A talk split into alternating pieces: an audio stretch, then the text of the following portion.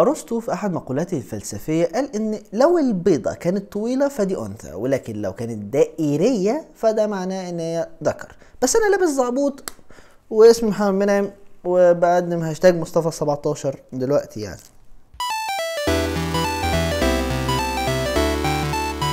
هاي السلام عليكم ازيكم؟ عاملين إيه؟ الحمد لله رب دايما. طبعا فرنسا مش عارفيني لكنتم من 17 رحت على الحلقات اللي فاتت الحمد لله تعرفون ثم الحلقة دي كويس جدا لكنتم وجوده دي من يستر طبعا مش هينفع نبدأ الحلقة غير نمسكوا 17 رحت شاركوا هاشتاج مصطفى 17 الحلقة اللي فاتت. حنا معك في شر ولا في قدا حنا معك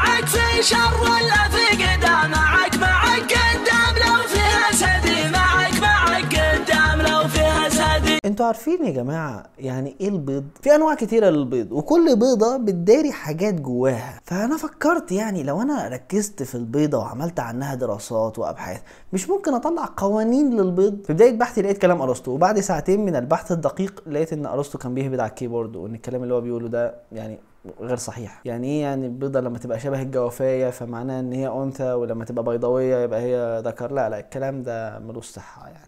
فقلت أبحث بقى بنفسي واخش في البحث الميداني يا جدع. اشتريت حوالي خمسين ألف بيضة. آه هم بيض كتير بس كان عدد أنواع الطيور 1400 طير فكان لازم أشتري بيض كتير علشان أقدر أحلل وأطلع نظرية قريبة للصواب يعني. وكان البحث بيركز على شكل البيضة ودرجات الإهليجية فيها وبعد بحث طويل وجهد وتعب لقينا إن كل ما البيضة تبقى شبه الجوافية أكتر فده معناه إن الطير أقوى. لكن لو البيضة كانت بيضاويه أكتر فيبقى الطير ده ضعيف أو مأنتخ أو بيفخد أغلب اليوم يعني. يعني طائر المور البيضة بتاعته شبه الجوافية فما تستغربش لما تلاقي إن سرعته في المية عالية وبيعرف يغطس بشكل سريع وجامد يعني. بس لو بصيت على البيضة اللي خارجة من النعامة أو الإيمو هتعرف إن هو نوع من أنواع الطيور اللي بتفخد وما بتتحركش كتير وحركتها بتبقى صعبة. بس للأسف لما شفنا البيضة بتاعت البطريق انصدمنا واتاكدنا إن لكل قاعدة شوال! بيضة البطريق طلعت شبه الجوافية.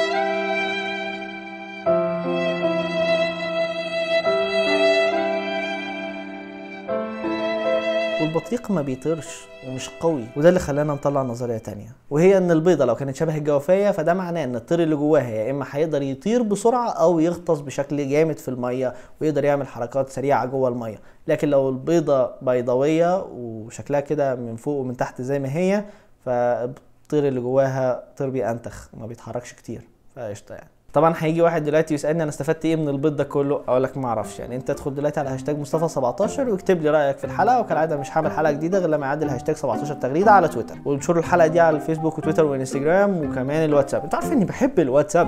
ما تسألنيش ليه بس هو الواتساب يعني. واعمل like للفيديو و subscribe للقناة وفعل التنبيهات عشان لما أنزل حلقة جديد أنا اللي أبلغك بنفسي. ما تتصدمش بقى إن ال link جاي لك من واحد غريب ويقول لك مصطفى نزل حلقة فتزعل مني إن أنا بلغتكش بنفسي. لا فعل التنبيهات أنا كده هجي لك وأقول لك أنا نزلت حلقة جديدة. كان معاكم محمد منعم من هاشتاج مصطفى 17 سلام.